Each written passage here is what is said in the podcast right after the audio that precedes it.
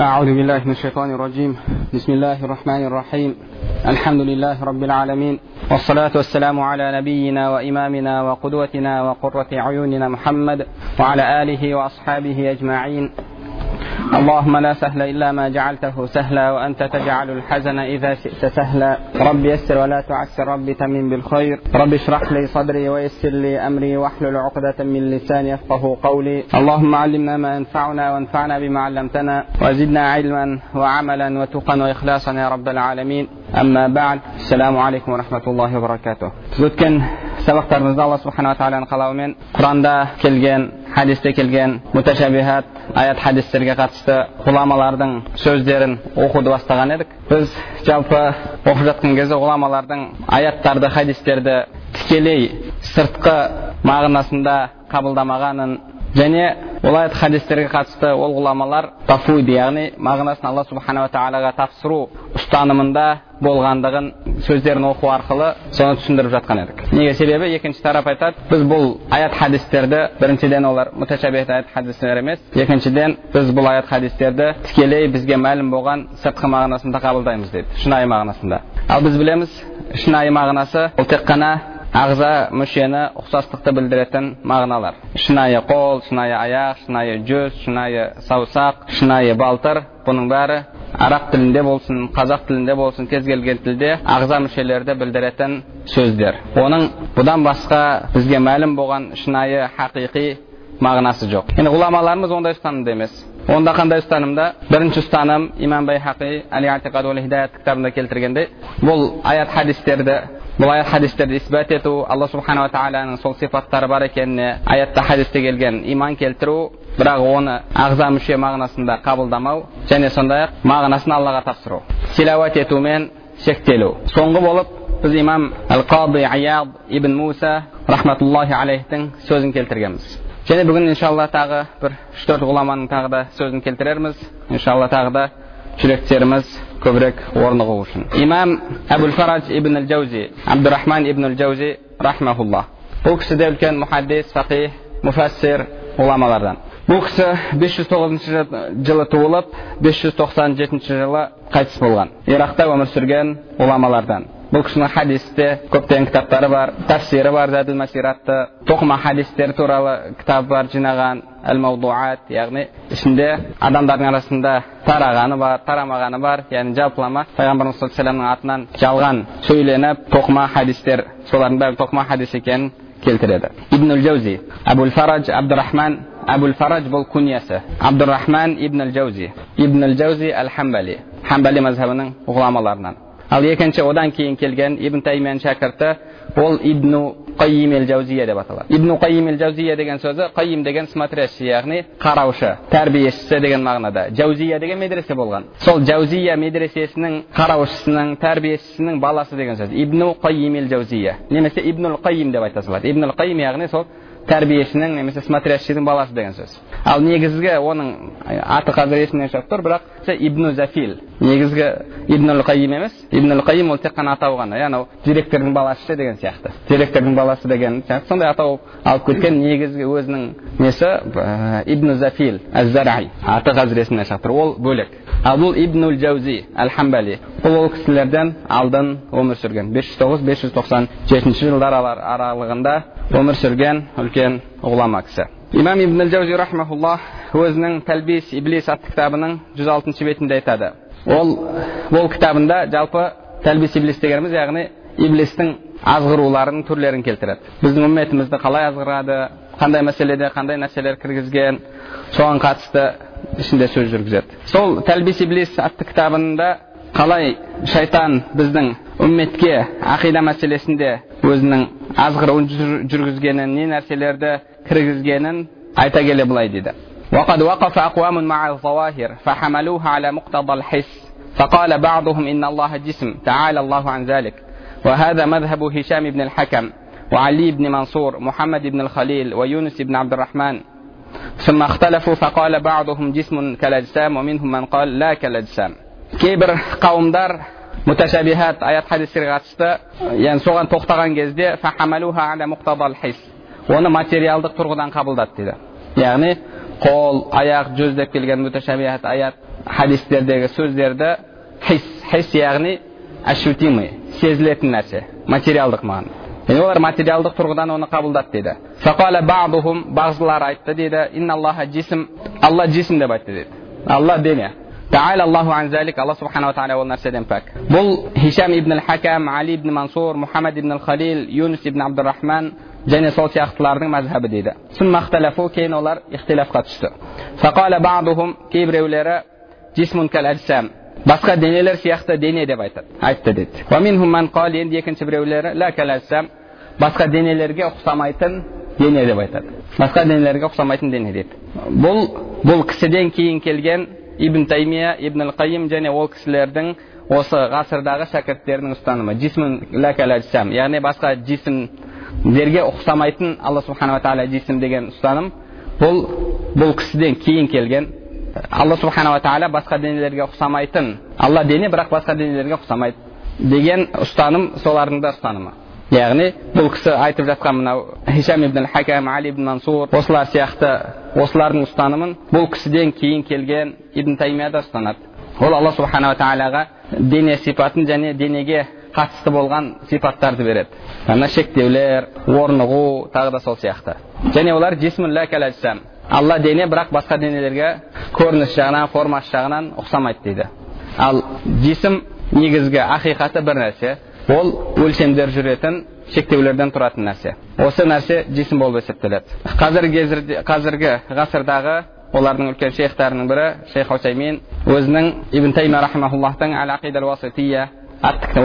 уасития ақидасына жасаған шархында егер біздің бұл алла субханала тағала алла субханала тағала шектеулерден тұрады алла субханала тағала аршыға орнықты деген сөздеріміз алла дене дегенге алып келетін болса онда солай ақ бола қойсын деді онда солай ақ бола қойсын бірақ біз анық білеміз алла субханала тағала басқа денелерге ұқсамайды деді өзінің кітабында осы сөзін келтіреді яғни бұл жерде екі түрлі ұстаным бар дейді олардың арасында біреуі жисм басқа денелер сияқты дейді алла субханала тағала болмысы екіншілер алланың дене дейді бірақ басқа денелерге ұқсамайды дейді ومن الواقفين مع الحس أقوام قالوا هو على العرش بذاته على وجه المماسة فإذا نزل انتقل وتحرك جعلوا لذاته نهاية енді сол материалдық тұрғыдан әлгі аят хадистерді қабылдайтындар материалдық тұрғыдан қабылдайтындар олардың ішінде кейбір қауымдар айтты деді. Ол аршының үстінде өз болмысымен жанасу арқылы деді. Яғни тию жанасу арқылы. Бұл да ибн таймияның мазхабы ибн таймия өзінің кітабында алла субханала тағала аршыға жанасу арқылы орнықты, орнықты деген бұл сәләф салихтан келген мутауатир жолмен келген нәрсе деді. Бірақ сәләф салихтан алла өз болмысымен аршыға орнықты немесе жанасу арқылы деген сөз ешқандай келмеген. Неге себебі бұны ол кімге қарсы? Алдын өткен әбу ял хамбали тағы да біреу тағы да сол сияқты кейбір ғұламалар алла субханала тағала аршының үстінде бірақ мулақат деді.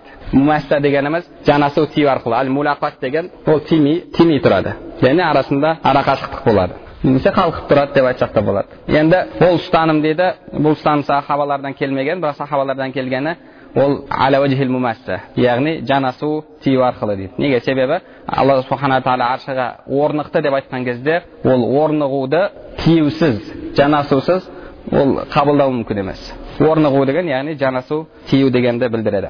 Және олар айтады дейді егер түсетін болса ол қимылдайды бір жерден екінші жерге көшеді дейді. Интиқал яғни көшу. Және алла субханала тағаланың затының нихаясы нихая дегеніміз бітетін жер өзбекшеде нихая дейді яғни бітетін жері бар яғни алла субханала тағала шектеулі деп олар айтты дейді және олар алла субханала тағаланың алла субханала тағаланың өлшемі бар алла субханала тағаланың көлемі бар деген сөзді айтты дейді яғни алла субханала тағаланың сондай болу уәжіп деп айтты неге себебі ол шынайы мағынада орнықты шынайы қол аяғы бар дегеннен кейін бұл сөздер автоматически ол айтылады ол шынайы дегенмен жоқ ол мөлшерден басқадан пәк екеуі мүмкін емес. Бір біріне қарама қайшы келетін нәрсе. Уәл миқдар. Миқдар яғни яғни көлем. Ал бұл да ибн таймияның ұстанымы ол оны әл қадр деді. Әл қадр яғни алла субханала тағала өзінің қадірі яғни өлшемі мөлшері бар дегенді айтады.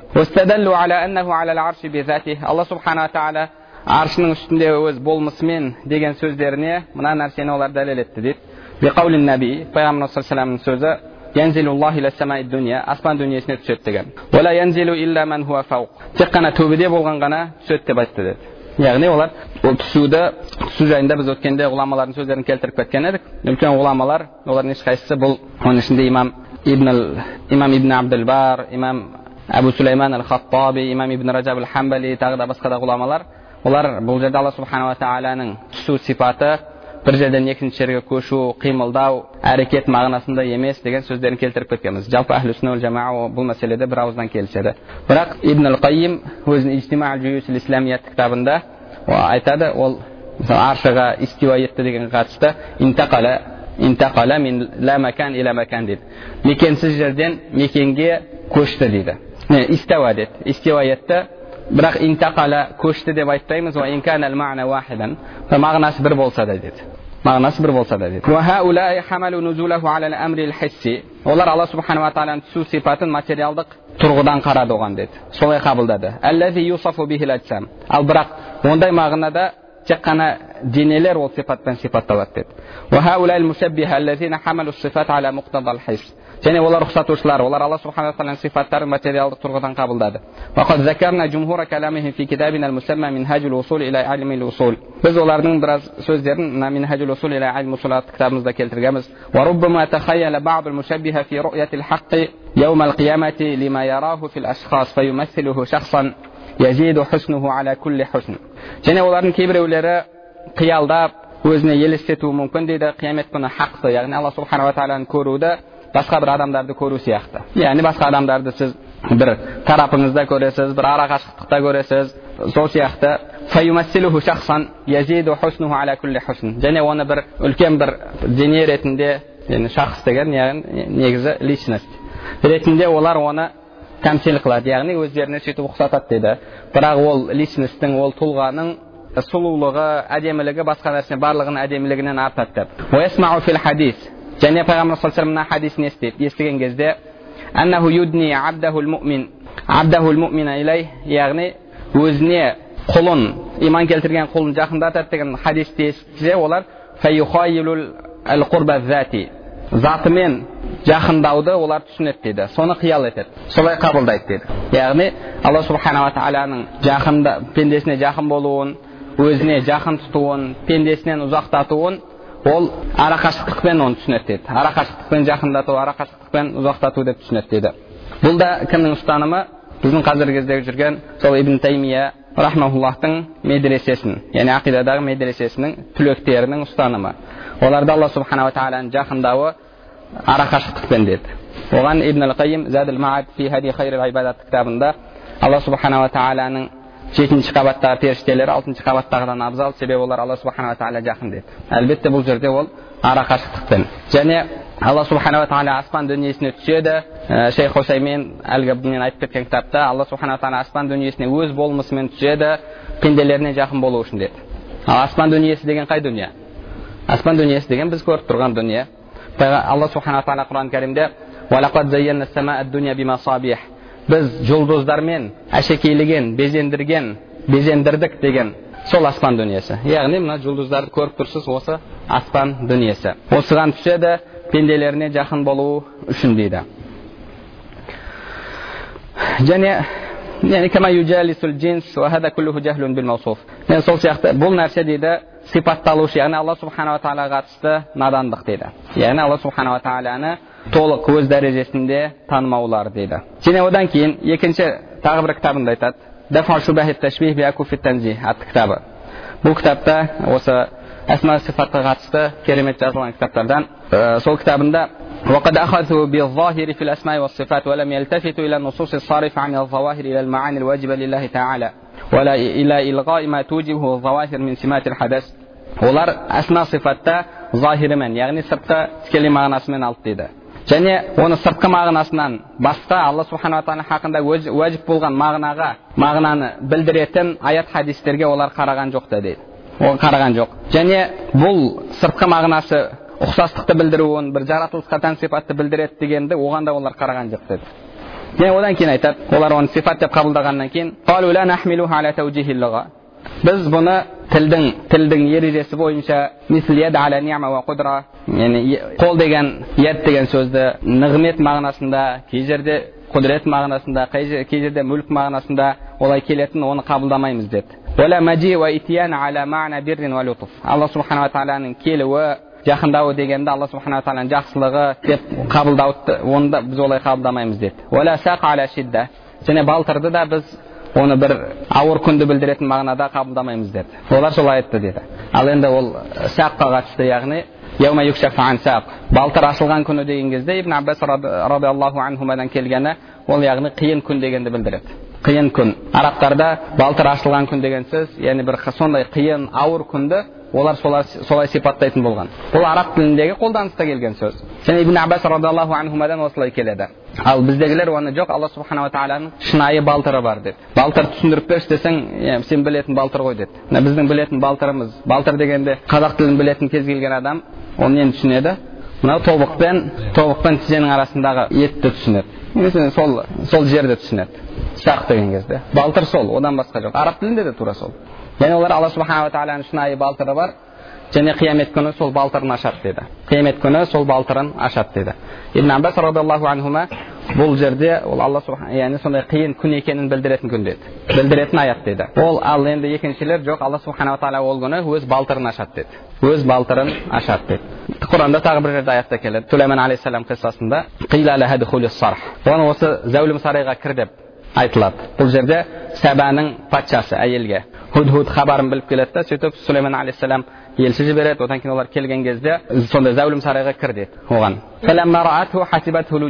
оны көрген кезде ол оны су деп ойлайды яғни сондай керемет соғылған астынан су ағып жатыр үстінен шишамен да енді шиша көрінбейді тура бір ішінде су ағып жатқан сияқты және сол кезде ол өзінің екі балтырын ашты аяғын көтерді деді яғни көйлегін көтерді деді екі балтырын ашты деді яғни сол балтырды ашу ал біздегілер не дейді алла субханала тағала қиямет күні балтырын ашады дейді біз оны біз білетін бізге таныс болған сол мағыналарда қабылдаймыз деп олар айтты деді біз де қабылдаймыз тікелей мағынасы әлбетте болмасам араб тілінде балтыр ашылды деген қиын күнді білдіреді білдіруі немесе қол деген сөз кейде нығмет мағынасында кейде құдірет мағынасында кейде басқа да мағынада келулері бұл да тілде таныс нәрсе араб тілінде оны араб, араб тілін білген кез келген адам оны біледі бірақ ол жерде ол шынайы хақиқи мағынасы емес ауыспалы мағыналарында келеді енді ол басқа тілдерде қолы ашық қолы ұзын қолымнан келмейді тағы да сол сияқты ал енді оның захири сыртқы мағынасы дейді ол адамдардың сипаты дейді кейін олар ұқсастықтан ұқсатудан тахарруж яғни өздерін қысылады деді ұқсатудан қысылады және оларды мүшәббиха сендер ұқсатушыларсың десе олар одан жеркенеді оны қаламайды дейді және біз әхлі сүннамыз деп айтады дейді ал олардың сөздері анық ұқсату дейді сөздері анық ұқсату бірақ нахну әхлі сүнна біз әхлі сүннамыз деп айтады деді және біраз ауам ауам білімі жоқ адамдар солардың артынан ерді дейді ерушіні де ергізушіні де насихат еттім дейді оларға айттым я асхабана ей достарым асхаб және көбінесе сол бір мазхабтағы адамдарға неде қолданылады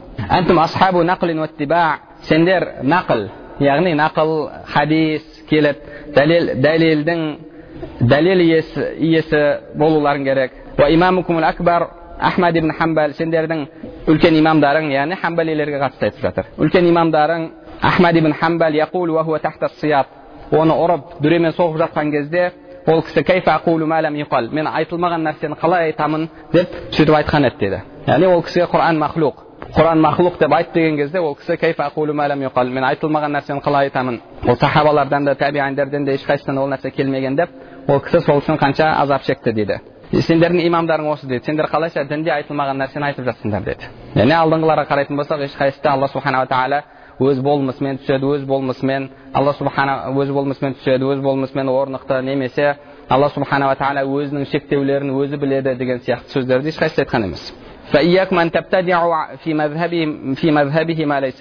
сол үшін де ол кісінің мазхабында ол кісінің мазхабынан болмаған нәрсені ондай бидағаттарды кіргізуден сақ болыңдар деп айттым дейді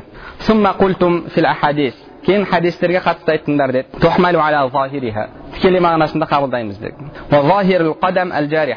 ал аяқ сөзінің захиры тікелей мағынасы әл жариха ол ағза деді міне одан кейін فإنه لما قيل في عيسى عليه السلام روح الله اعتقدت النصارى أن الله أن لله سبحانه وتعالى صفة هي روح ولدت في مريم насраниларға алла субханала тағала рух алланың рухы делінген кезде олар алланың рух деген сипаты бар сол сипаты мариямға енді деп олар ойлайды деді яғни бұл да соларға ұқсау деді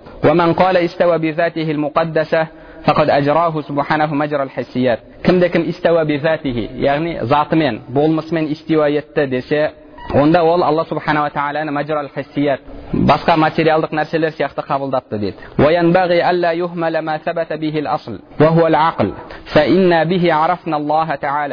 Және бұл аят хадистерді түсінген кезде біз негізі алла субханала тағаланы таныған ақылымызды тастап қоймауымыз керек деді. Және ақылды мусорға тастап жіберіп бұның бәрін тікелей мағынасында қабылдаймыз да соңында жоқ ол өзіне жараса ол ешқандай ұқсастықты білдірмейді деген сөзді айтуды бұл кісі айтады. Ол дұрыс емес. Біз алла субханала тағала бізге ақыл берді алла субханала тағала құранда мұхкамат аяттар бар деді муташабихат аяттар бар деді жүрегінде дерті болғандар муташабихат аяттарға ереді деді алла субханала тағала бізге құранды араб тілінде түсірді түсірді араб тілінде ол тікелей мағыналары ағза мүшені білдіреді оның басқа да мағыналары бар ол да араб тілінде келеді соның бәрін алла субханала тағала бізге білдірді және құранда біз сендерге құранды араб тілінде түсірдік деді ол құран араб тілінде түсінілу керек араб тілінің ережелеріне сай түсінілу керек. Ережелерден шығып кетуге болмайды. Құран араб тілінде түсірілгеннен кейін алла субханала тағаланың сипаттарын да араб тілінің шеңберінде араб тілінің ережелеріне сай оны қабылдауымыз керек. Және мұхкамат аяттарды ұмытпауымыз керек. Алла субханала тағала құран арабия біз араб тілінде түсірдік. Яғни ақылдарыңды істетерсіңдер деді. Яғни келіп алып алла субханала тағала біз олар осы күнді ұмытқандай біз оларды ұмытамыз десе яғни алланы ұмытатын сипаты бар өзіне жараса десек бұл қалайша бұл әлбетте бұл адамның ақылына сиятын нәрсе емес ол ақылсыз адамның түсінуі алла субхана тағала ақыл берді ол жерде ол месияның мынандай басқа мағыналарда келетіндігі оның бәрін адам ескеру керек алла субханала тағаланы біз ақылымызбен таныдық дейді әлбетте жынды адам алла субханала тағаланы танымайды ол аят хадисті түсіну үшін де ақылды адам болу керек бұл ақылсыз адам әлемді жаратушысыз қабылдайды ал ақыл есі орынды адам әлбетте сол ұлы жаратушы бар екенін біледі және алла субханала тағаланың әуелі жоқ қадим екенін біз ақылымызбен оны білдік дейді егер сендер біз бұл аят хадистерді оқимыз да үндемейміз десеңдер онда сендерге ешкім инкар қылмас еді деді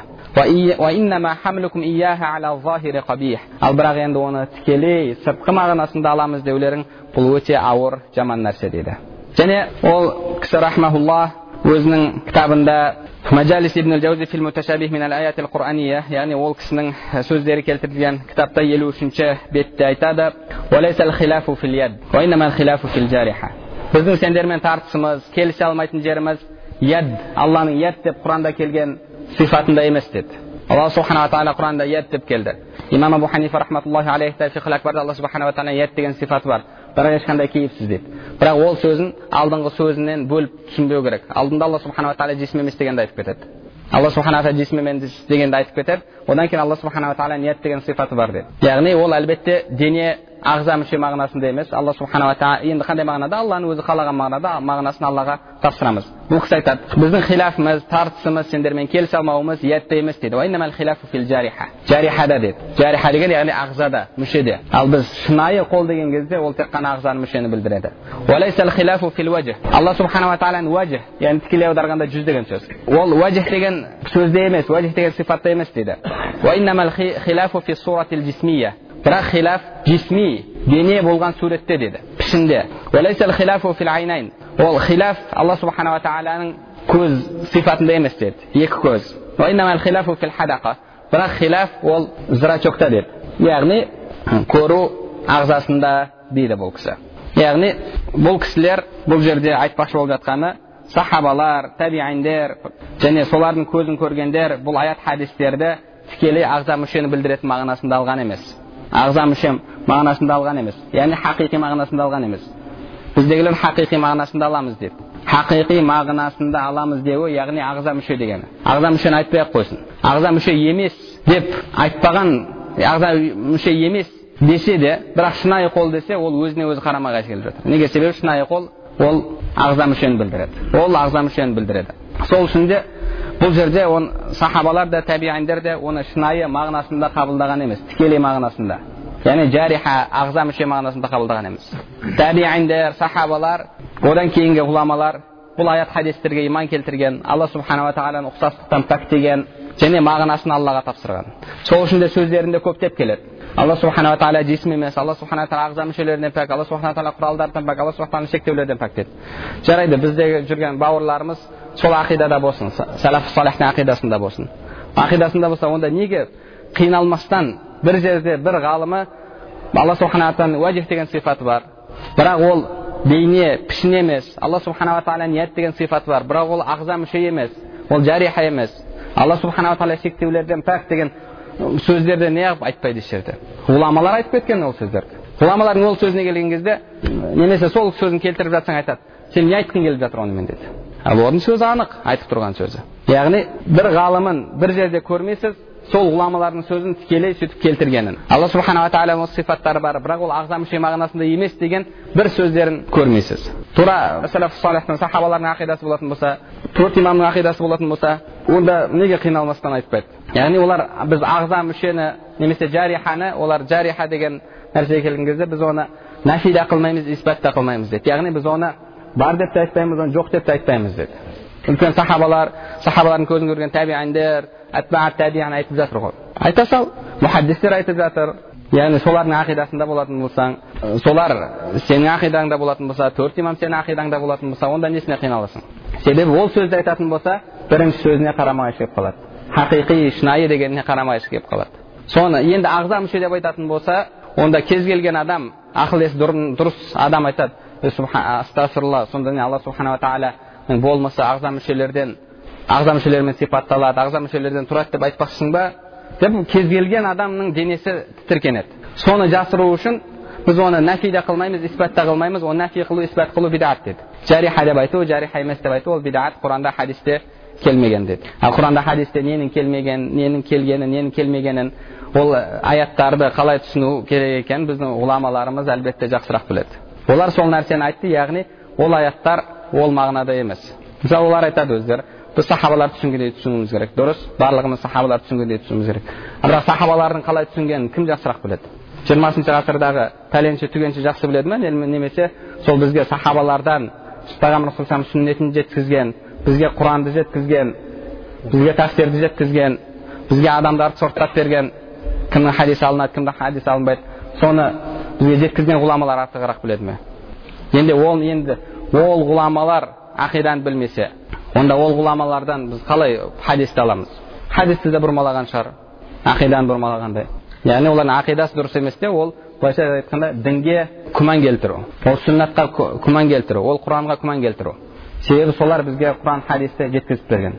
Біз қазір солардың сөздерін оқып жатырмық жалпы әхлі сүнна бүкіл мұсылмандар әхлі сүннаның имамдары деп қабылдаған имамдардың сөзін оқып жатырмық. Біз жахми ибн сафуан немесе уасил ибн ата бір муатазилиттердің басқалардың бір хауариждердің сөзін оқып жатқан жоқпыз. Біз имам абу ханифаның сөзін оқып жатырмық имам шафидің сөзін оқып жатырмық имам ахмадтың сөзін оқып жатырмық имам ибн хиббан сөзін оқып жатырмық имам байхақидің сөзін оқып жатырмық имам тахауидің сөзін оқып жатырмық. Және солардың шәкірттерінің сөзін оқып жатырмық. Олар бұны осылай түсінген.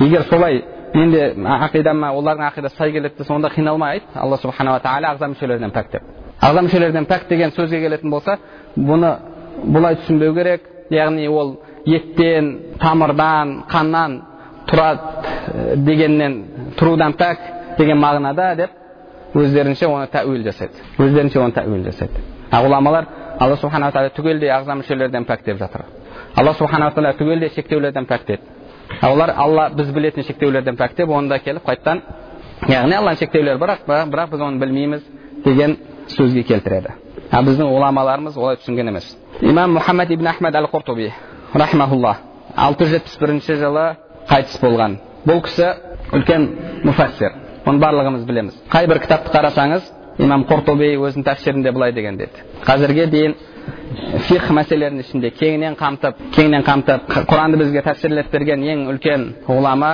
осы имам құртуби рахмаулла ол кісі өзінің әл жами әл ахкамил құран атты кітабының төртінші том он екінші бетінде айтады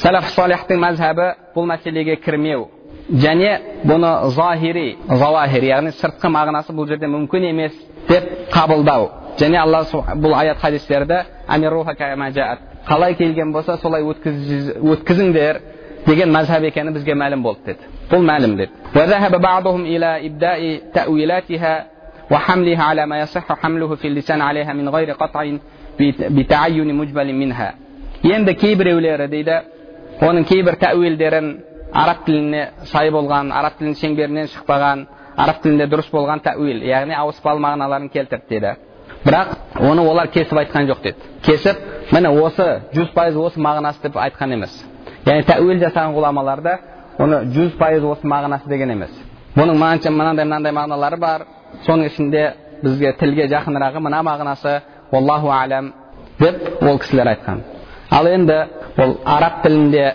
ауыспалы мағынасы қалыптасып негізгі мағынасы ұмытылып кеткен жерлер болатын болса ол жерде әлбетте ол ауыспалы мағынасы.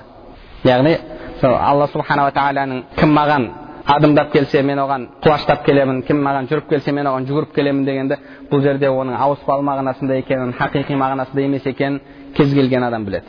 Оны кез келген тілге аударған кезде адам бірінші болып соны түсінеді. Ол жерде ешкім алла субханала тағала бір жерде тұрғанын адам соған қарай жүретіндігін адам жүруді бастаған кезде алла субханала тағала адамға қарай жүретіндігін түсінбейді ешкім яғни ондай кезде ондай жерлерде ол мағынасы анық күнде ашық болып тұрған жерлерінде яғни ондай кезде ол жерде ол мағынасы анық ал енді басқа жерлерінде бұл кісі айтып жатыр яғни кесіп үзілді кесіп осы болды мағынасы жүз пайыз деп олар айтпайды олар айтпайды одан кейін имам яхя ибн шараф науауи науауи рахматуллахи алейх бұл кісі алты жүз отыз бірінші жылы туылып алты жүз жетпіс алтыншы жылы қайтыс болған. Өзінің әл мәжму атты кітабында айтады. Төртінші том елу бірінші бет.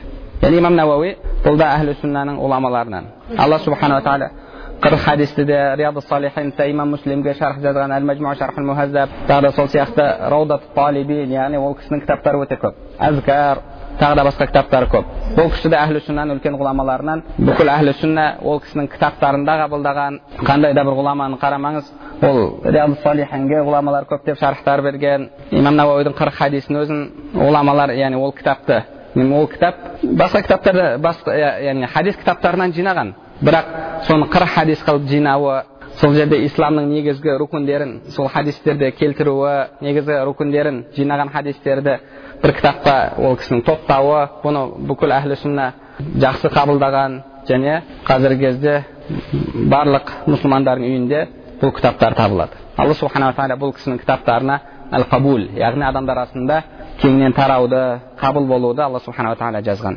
Сол кісі айтады пайғамбар саллаллаху хадисін келтіреді عن أبي هريرة رضي الله عنه أن رسول الله صلى الله عليه وسلم قال ينزل ربنا تبارك وتعالى في كل ليلة حين يبقى من ثلث الليل الآخر يقول الله سبحانه وتعالى түнгі үштен бір бөлігінде яғни соңғы үштен бір бөлігінде түседі деген түсіп мынаны айтады деген кім маған дұға жасайды мен оның дұғасын қабыл етемін кім менен сұрайды мен сұрауын беремін кім менен истиғфар сұрайды күнәларын кешірілуін сұрайды мен оның күнәсін кешірейін деген аятқа қатысты айтады равахул бухари муслим бухари муслимдерде келген وفي هذا الحديث وشبهه من أحاديث الصفات وآياتها مذهبان مشهوران осы және осыған ұқсаған сифат аяттарында хадистерінде екі мәшһүр мазхаб бар дейді екі ұстаным бар дейді ахадухума оның бірі تأويله على ما يليق بصفات الله سبحانه وتعالى وتنزيهه عن الانتقال وسائر الصفات المحدث وهذا هو أشهر عن المتكلم وهذا هو الأشهر عن المتكلمين. فرنسا فن الله سبحانه وتعالى الله سبحانه وتعالى صفات ترنا لا يخطي يتب لا يخطي بس كما غنى لارن يعني أو سبال ما يعني الله سبحانه وتعالى أنا انتقال انتقال دي كوشو. كوشو قيم الضاو دي دي بلدرو دي عرب تردى مسال نينا كولكت وسائل النقل دي. نقل انتقال بار نيكزغة تبرا نقل نقل وسائل النقل دي средство передвижения. Яғни бір жерден екінші жерге өту құралы деген сөзді айтады.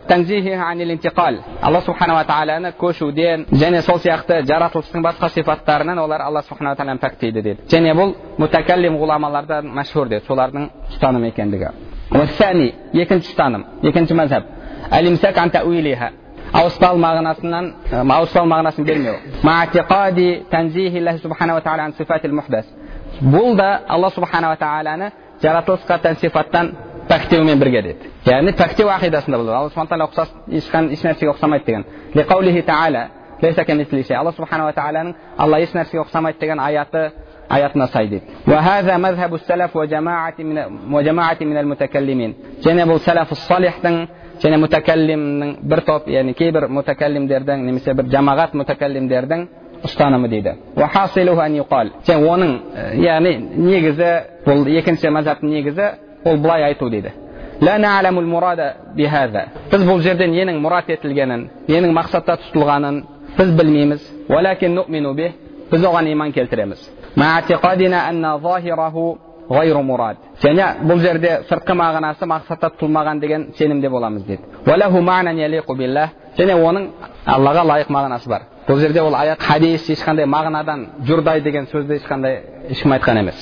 Қазіргі кезде біздің арамызда жүрген бауырларымыздың ұстаздарының кітаптарын оқып жатсаңыздар олар бұл тафуид яғни мағынасын аллаға тапсыру пайғамбарды пайғамбарды наданға шығару деді. Пайғамбар өзіне түскен нәрсені сонда білмеген ба деді. Ал ешқандай ғұлама пайғамбар білмеген дегенді айтпайды. Біз имам шафидің сөзін келтіріп кеттік. Алла субханала тағаланың кәләмін өзі қалаған өзі мақсатта тұтқан мағынада пайғамбардың сөзіне пайғамбардың өзі қалаған мақсатта тұтқан мағынада иман келтірдім деген сөзін келтіргенбіз бұл әлбетте оразаға зекетке қазылыққа қатысты емес себебі ол мағыналары мәлім оны мағыналарын жақсылап ғұламалар бізге баяндап берген бұл әлбетте есім сипатқа қатысты ол біз пайғамбар білмейді дегенді ешкім айтпайды және аяттың мағынасы жоқ дегенді ешкім айтпайды өзі аяттың мағынасы жалпы аяттың мағынасы бар және жеке сөздің мағынасы бар яғни аяттың жалпы мағынасы ол сәләфта да халафта да ол мағынасы мәлім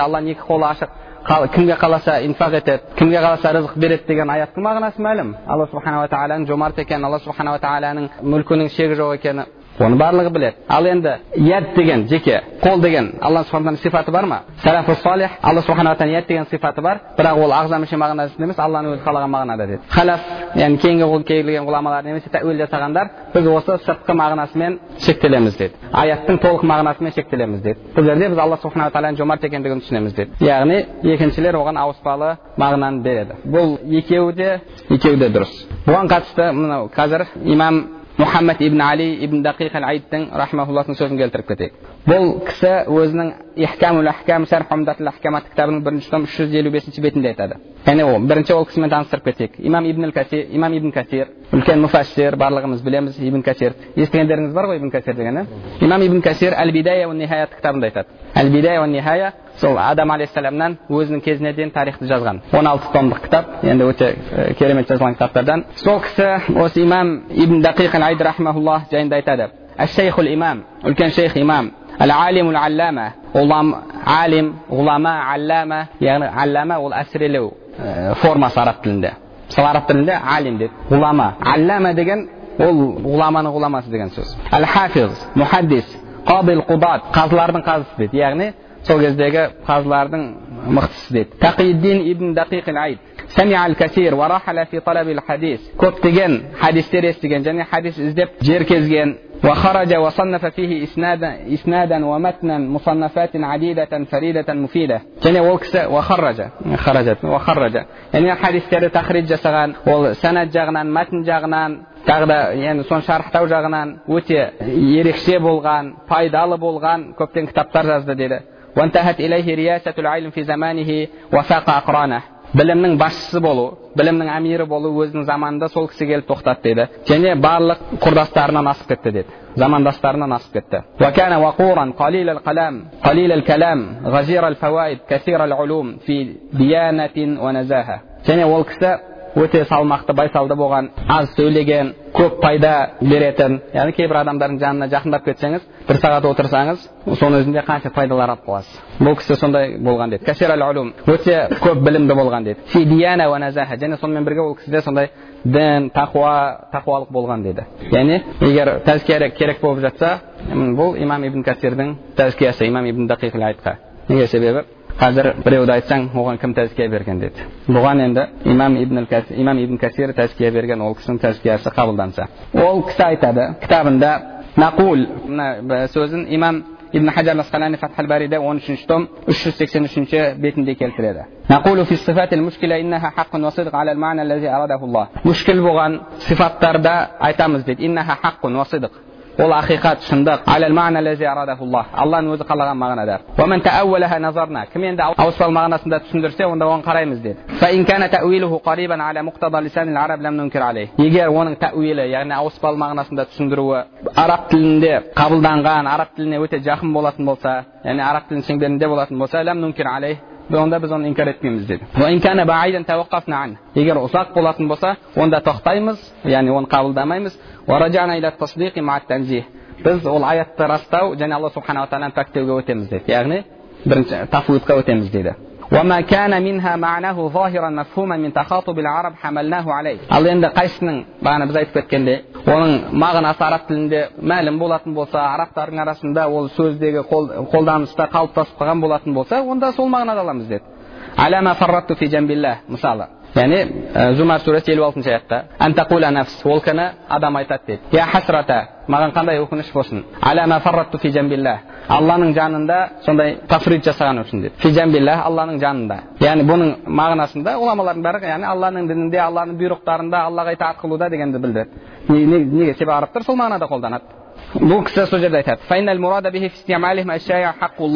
яғни олардың қолданыстағы мәлім болған мағынасы оның алланың жанында деген яғни хақулла алланың ақысында яғни алланың дінінде алланың дінінде тафрид яғни тафрид дегеніміз ол мысал ифрат тафрид дейді ифрат мына жақта шектен шығу тафрид деген астына қарай шектен шығу түсінікті ғой мысалы біреулер бір нәрсенің екі жағы да екі қарама қайшы жағы ортасы емес екі қарама қайшы жағы яғни тафрит ол асты жағына қарай алла субхана тағала жанында тафрит жасағанымда жасағаныма қандай өкініш деген енді осыны ибн ал қайим келеді ибн жаузи емес ибн қайим ал жаузия яғни директордың баласы ол кісі келеді да айтады бұл жерде алланың жаны бар деген дейді біз бұдан алланың жаны бар екенін түсінеміз дейді жан деген кезде яғни бог түсінікті ғой жан деген бұл жерде бірақ жәм алланың бір жаны бар деп тұр ол кісі айтады мысалы дейді біреудің жанын көрдім десең немесе біреудің балтырын көрдім десең сен де онда оның бір балтыры бар екенін түсінбейсің ғой оның сөзінен. Яғни біреу сізге келді айтты ой мен пәленшенің балтырын көріп қойдым деп. Яғни балтырын деп бір балтырды айтып жатыр. Сіз оның бір балтыры бар екенін түсінбейсіз ғой деді. Жанынан көрдім деген кезде яғни оның жан бір ақ жаны бар деген сөз емес қой деді. Енді сен жаратылыстың хақында олай түсінсең онда қалайша алланың аллаға қатысты оны бірақ бірақ бір ғана балтыр бір ғана жан деп түсінесің? Алланың екі балтыры бар екі жаны бар деді. Бұл қай не қай метод ақидада бағанағы раббың кім деген кітапты қарайтын болсаңыз сонда алла субхана тағалаға қатысты қиястың жалпы қиястың үш түрі бар. Соның біреуі аллаға қатысты қолданылады деді қиясыл әуля деді қиясыл әуля яғни алла лайығырақ деген. Негізінде ол қиясыл әуляның өзі ана жаратылысқа қарап соған салыстыруға негізделген қияс. Олардың ол несі. Оған бағанағы хадисті келтіреді. Бір ананы көрсетіп мынау баласына қандай мейірімді екенін көрмейсіңдер ме? Осы баласын отқа тастайды ма? деп пайғамбар сахабалар айтады. Жоқ деп. Онда алла одан да пендесіне одан да рахымдырақ деген соны алып келеді да яғни онда бұл қиясыл әуля алла лайығырақ алла бұдан да күштірек деген ол метод дұрыс деді да алланың бір, бір балтыр деп келсе яғни онда алланың екі балтыры болуға лайығырақ екі жаны болуға лайығырақ деп сөйтіп сол қиясқа салып алла субхана екі жаны бар екі балтыры бар деді ал бұл жерде ол араб тілінде алланың ақысы алланың бұйрығы деген мағынада сол үшін айтады сол үшін де бұны алланың дінінде алланың дінінде мен зиянға ұшырағаным деген мағынаға алу дейді. Бұл жерде оны бір кідірілу деген нәрсе жоқ дейді. Неге? Себебі ол солай араб тілінде түсініледі. Араб тілінде солай қалыптасқан. Және сол сияқты пайғамбар саллаллаху сөз дейді. Адамның баласының жүрегі алла субханала тағаланың саусақтарынан екі саусағының арасында деген хадиске қатысты айтады бұл да тура сол сияқты еді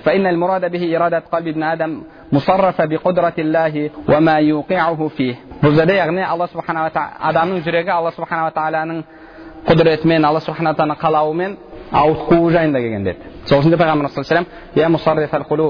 ей жүректерді ауытқытушы мен жүрегімді дінге қарай бұра көр дінде менің жүрегімді бекем ете көр деп пайғамбар сұраған және сол сияқты алла субханала тағала мына сөз деді және олардың алла субханала тағала бунян бунян яғни ғимаратына келді. Оны бұзды деген аятқа қатысты айтады. Мағынасы алла субханала тағала олардың ғимаратын быт шығарды деген сөз дейді.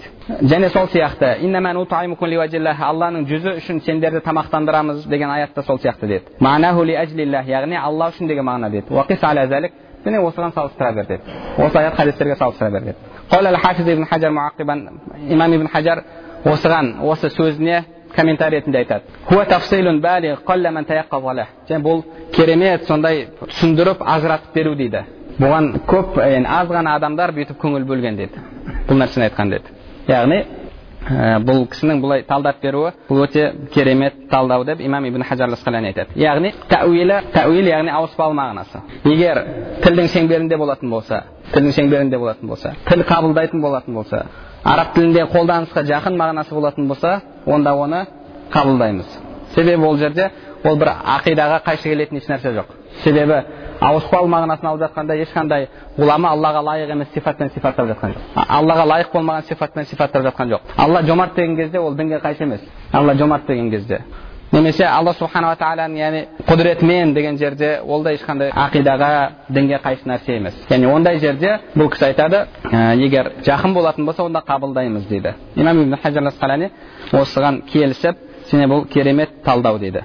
Керемет талдап беру дейді. Яғни тәуил жақын болатын болса қабылдаймыз жақын болмайтын болса онда оны қабылдаймыз өтеміз яғни мағынасын аллаға тапсырамыз да аят хадиске иман келтіреміз бірақ ағза мүше мағынасында емес деп оны үзілді кесілді айту керек сол сенімде болу керек сол сенімде болу керек неге себебі онан шығып кететін болсаң онда яғни мен аллаға тапсырып қоямын мағынасын білмеймін бұл шынайы мағынасы ма мына мағынасында ма ағза мүше мағынасында ма немесе басқа мағынасында ма білмеймін десе онда мен алла субханала тағала жаратылысқа ұқсай ма ұқсамай ма білмеймін. Мен бұл аяттың мағынасын аллаға тапсырдым деген ұстаным шығар. Ол әлбетте дұрыс емес. Ғұламалардың барлығы мағынасын аллаға тапсырамыз деген кезде барлығы яғни біз үзілді кесілді яқин сенімде болуымыз керек. Бұл жерде яғни оның сыртқы мағыналары ұқсастықты білдіретін мағыналары мақсатта тұтылмаған деп біз оны үзілді кесілді сол сенімде боламыз деген. Оны барлық ғұламалар айтып кетеді. Имам имам суюти рахмаулла яғни сол кісінің сөзімен ғұламалардың сөзін иншалла тамамдасақ. Имам суюти дегенді естігенсіздер ғой. Имам суюти рахмаулла бұл кісі сегіз жүз қырық тоғызыншы жылы туылып тоғыз жүз он бірінші жылы қайтыс болған. Бұл кісі де үлкен мұхаддис муфассир фақи ғұламалардан өзінің әл итқан құран атты кітабы екінші том он үшінші бетінде айтады. Фасл минал муташабих аят сифат тарау дейді яғни муташабихат болған аят сифат аяттары тарауы дейді бұлардың барлығы да бұның муташабихат екеніне де келіскен оны да естен шығармайық біздегілер муташабихат келіспейді оған муташабихат емес дейді бұның мағынасы мәлім дейді мағынасы мәлім ешқандай бұл жерде бір анық еместік деген нәрсе жоқ деді мағынасы анық бұл алланың келетіндігі алланың шынайы қолы бар екендігі алланың шынайы балтыры бар екендігі бұл мағынасы анық дейді барлығы тек қана муташабихат болуы яғни мағынасы немесе муташабихат болу бізге беймәлім болуы ол кайфият жағынан дейді форма жағынан ғана ал ғұламалардың барлығы бұл муташабихат деген және одан кейін ибн лаббанның бұған қатысты жақсы кітабы бар дейді одан кейін айтады алла аршыға істеу етті алланың жүзінен басқа барлық нәрсе хәләк болады алланың жүзі қалады біздің көзіміздің алдында деген аят алланың қолы олардың қолдарының үстінде деген аят аспан жер алла субханала тағаланың аспан алла субхан тағаланың оң қолының яғни уысында деген аят осыған қатысты айтады. Басым көпшілік әхлі сүнна дейді. Соның ішінде сәләф және хадисилер дейді. Олар бұған иман келтіреміз дейді. Және мақсатта тұтылған мағынасын аллаға тапсыру дейді. Олардың аллаға тапсыру. Және оған ешқандай тәпсір бермейміз және алла субханала тағаланы бұның шынайы мағынасынан яғни сыртқы мағынасынан біз алла субханала тағаланы пәктейміз дейді барлығы алла субханала тағаланы пәктейміз деген нәрсені айтып жатыр. Алла субханала тағаладан пәктейміз дегенді оны ұмытпау керек яғни мағынасын аллаға тапсырумен бірге алла субханала тағаланы шынайы яғни ұқсастықты білдіретін мағынасынан пәктейміз дегенді оны барлық ғұламалар айтады. Яғни бұл ғұламалардың сөзінен кейін біз нені ұғынамыз бұл аят хадистер муташабихат бізден алдыңғыларда болды. Олар соны тікелей мағынасында қабылдап адасты ұқсастыққа ұқсастыққа кетті. Яғни алланы ұқсатып қойды.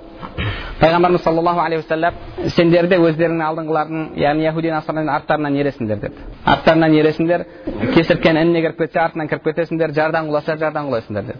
Мен жардан құласа жардан құлайсың деген яғни мен оны қазақшалап түсіндіріп беріп жатырмын біздің мұсылмандардың арасында да соларға ұқсап муташабихат аят хадистерді тікелей мағынасында қабылдап ұқсастыққа түсіп қалғандар бар екен әхлі сүнна жама ғұламалары оның ішінде сәләфу салих хадис иелері халаф яғни кейінгі ғұламалардан біразы матрудилер мен мысалы әшари матруди біз естіп жатамыз әшарилерде оларда екі ұстаным бар біріншісі бұрынғы әшарилер соларды көбірек кейінгілердің кейбіреулері олар не істейді біріншілер көбірек тафуид екіншілер тәуилге бейімірақ яғни ауыспалы мағынасында тәпсірлеуге бейімірақ оның себебін қазір иншалла оқып кетерміз. Мәтрудилер олар имам абу ханифан имам абу ханифанікі тафуид. Бұл кісілерде тафуид ұстанады. Ол кісілерде тафуид ұстанады. Оның ішінде матруди де бар одан кейінгі насафи де бар тағы да басқасы бар шәкірттері оның барлығы тафуид ұстанады. Яғни мысалы алла субханала тағала яд деген сипаты бар уәжих деген сипаты бар алла субханала тағаланың айн деген сипаты бар. Бұның бәріне біз алла субхана тағаланың бұл сипаттарына иман келтіреміз.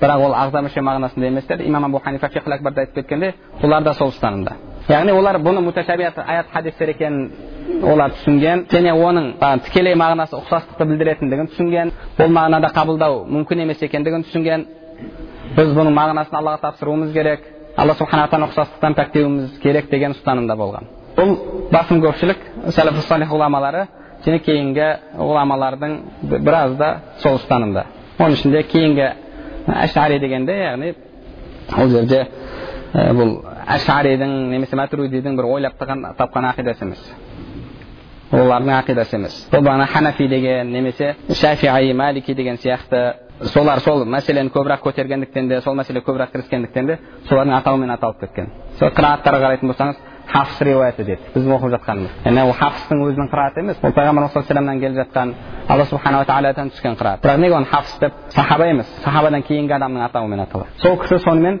көбірек уақыттан сол риуаятпен уарш дейді қалун дейді нафиа дейді шуба ибн касир дури суси мысалы қыраттардың атаулары бірақ ол олардың өздерінің қалтасынан шығарған нәрсесі емес. Ол пайғамбарымыз саллаллаху алейhi сәнатпен жалғасып келе жатқан нәрсе. Яғни жалпы әхлі сүннада біз ғұламалардың сөзінен түсінгеніміз екі ұстаным бар екен. Біріншісі аллаға тапсыру алланы ұқсастықтан пәктеу. Мағыналарын аллаға тапсыру алланы ұқсастықтан пәктеу. Екіншісі ол ауыспалы мағыналарын алу. Осыған яғни ауыспалы мағынасына қатысты имам ибн асакир рахмауллахтың мына сөзін келтіріп кетсек иншалла осымен тамамдап ендігі жолы имам абу жафар тахауи рахмауллахтың алла субханала тағаланы алты тараптың бірі қамтымайды деген сөзіне қатысты. Енді ол ол кісі былай айтып тұр пайғамбарымыз саллаллаху алейхи аллах алла қайда? деген кезде пайғамбарымыз аспанда деп жауап беріп тұр. Оны олар қалай түсінді онда? Ол бір тарапты білдірмейді ме? Төбе тарапты білдіреді ғой төбе тарапты білдіреді оны қалай түсінуіміз керек оны ғұламалар қалай түсінген иншалла оған ендігі жолы тахауидің осы сөзінің соңғысына тоқтап және сол хадиске иншалла тоқтап кетеміз одан кейін одан кейінгі имам абу жафар тахауидің ақиқат деген ары қарай иншалла ақидада келтірген сөздерін жалғастырамыз енді қазір иншалла имам ибн асакердің сөзін оқысақ имам ибн асакер төрт жүз тоқсан тоғызыншы жылы туылған бес жүз жетпіс бірінші жылы қайтыс болған мұхаддис али ибн хусейн ибн асакир бұл кісі жайында имам ибн касир әл бидая нихаят кітабының он екінші том екі жүз тоқсан төртінші бетінде айтады ахаду акабири хуффаз хадис хадисті яғни мұхаддис үлкен мұхаддистердің бірі дейді ومن عني به سماعا وجمعا وتصنيفا واطلاعا وحفظا لأسانيده ومتونه وإتقانا لأساليبه وفنونه бұл кісі хадисті тыңдау жағынан жинау жағынан жазу жағынан іздеу жағынан сәнәдімен мәтінімен жаттау жағынан және соған қатысты бүкіл білімді соның услугтарын яғни методтарын барлығын сол хадиске қатысты пәндердің барлығын толық игеру игеру игерудегі үлкен мұхаддистерден деді игеруде шамның тарихын 80 томда жинаған деді яғни 80 томдық кітабы мухаллада ол өзінен кейін иншалла яғни ғұламалар оны жақсы қабылдап ол ғұламалардың арасында әрдайым қалады деді өзінен алдыңғы тарихшылардың ол өте аз сирек дейді бұл кісі сияқты былай жазған деді өзінен кейінгілерді шаршатты деді өзінен кейінгілерді шаршатты деді осман радиаллаху анху омар радиаллаху анхуға қатысты айтқан екен өзінен кейінгі келгендерді шаршаттың деген екен яғни ол кісінің тақуалығы мемлекет басқарудағы ол кісінің алладан қорқуы оны өзінен кейінгілердің істеуі қиын да сол үшін де ол кісі айтқан өзіңнен кейінгілерді шаршаттың деген екен ұқсамақшы болса өте қиын ол кісінің тақуалығына жету деген сол сияқты өзінен кейінгі тарихшыларды бұл кісі де шаршатты дейді яғни біреу келіп мысалы рекорд рекорд жасап кетсе өзінен кейінгілер келіп ол рекордты одан асуы оларға бір шаршау болады және ол кісі яғни алдыңғылардан болды дейді хадис ғылымында ол кісінің өте пайдалы кітаптары көп деді және ол кісі ғибадат құлшылығы жағынан да өте керемет болған деді сол кісі табиин кадибил муфтари фима нусиба иля имам абул хасан лашари атты кітабы бар яғни имам абул хасан лашариге жабылған жалаларды баяндау деген кітабы бар сол кісіні қорғап жазған сол кісінің сол кітаптың үш жүз сексен сегізінші бетінде айтады имам ашаридің шәкірттеріне қатысты айтады بل هم يعتقدون ما فيها شد اعتقاد ويعتقدون عليها شد اعتماد имам әбул хасан ашаридің ибан атты кітабы жайында айтады басында айтады ибана кітабын хамбалилерден ол хамбалилерге қарсы не қылды дейді қалқан ретінде олар қолданды деді енді хамбали деген кезде бағанағы ұқсастыққа өтіп кеткен имам имам ибн жаузи шаршап ей бауырларым қойыңдар деп жүрген хамбалилер жайында кетіп жатыр соларға қатысты қорған ретінде қолданды дейді және олар сол кітаптағыға сенеді дейді فإنهم بحمد الله ليسوا معتزلة олар альхамдулилля муатазила емес дейді уәлә нуфат ли суфатиллахи муаттила алланың сифатын жоққа шығарушы нуфаттардан емес дейді ләкиннахум юсбитуна лаху субханаху ма асбатаху линафсихи мин ассифат алла субхана тағала өзіне исбат еткен сифаттарды олар исбат етеді исбат етеді яғни сифаттайды ويصفونه بما اتصف به في محكم الآيات және алла субханала тағала сипатталған мұхкам аятта, аяттағы сипаттармен алла субханала тағаланы сипаттайды дейді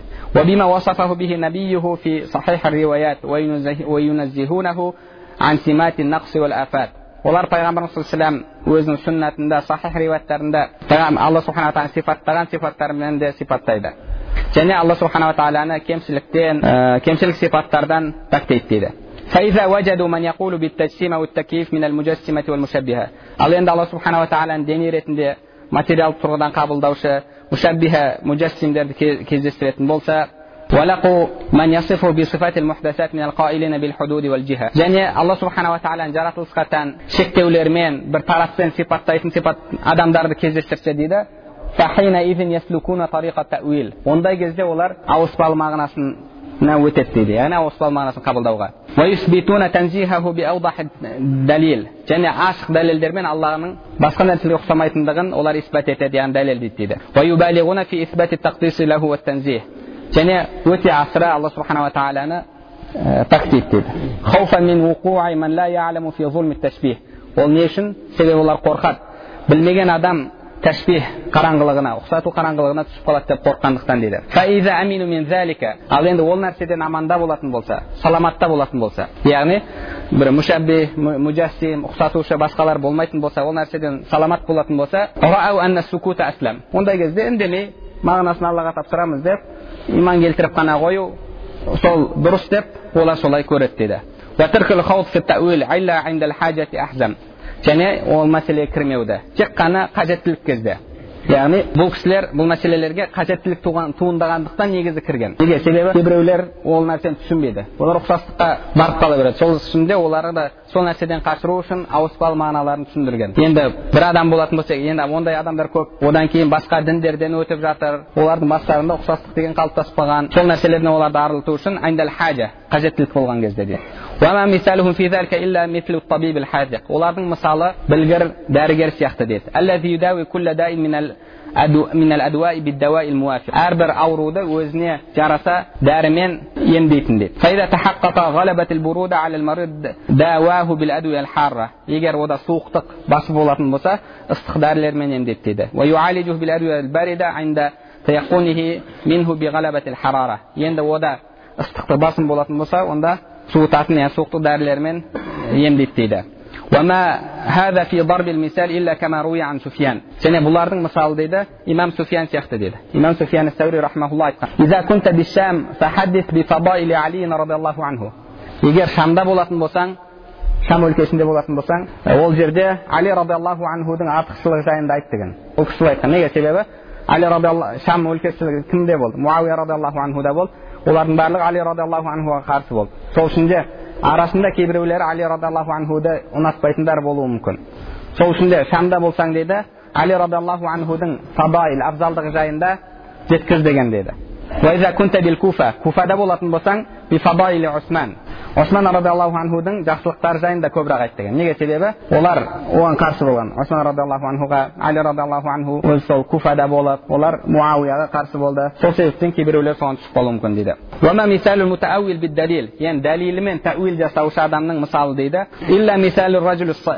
бір жүзуші адамның мысалы сияқты дейді ол құрғақ жерде болатын болса ол жүзуге мұқтаж емес дейді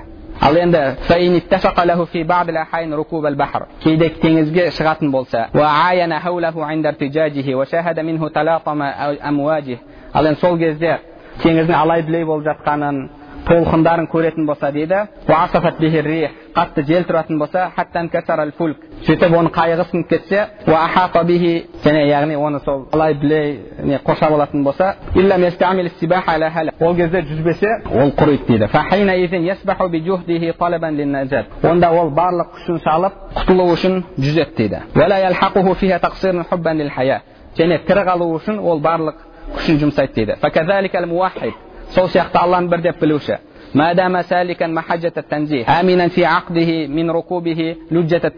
Алланы бір деп білуші. Егер ол бағанағы ұқсастықтан аманда болатын болса ол нәрсе оған келмесе فهو غير محتاج إلى الخوض في التأويل وأن ол тәуилге кіруге мұқтаж емес дейді لسلامة عقيدته من الشبه والأباطيل себебі оның ақидасы ұқсатудан сондай жалған нәрселерден пәк дейді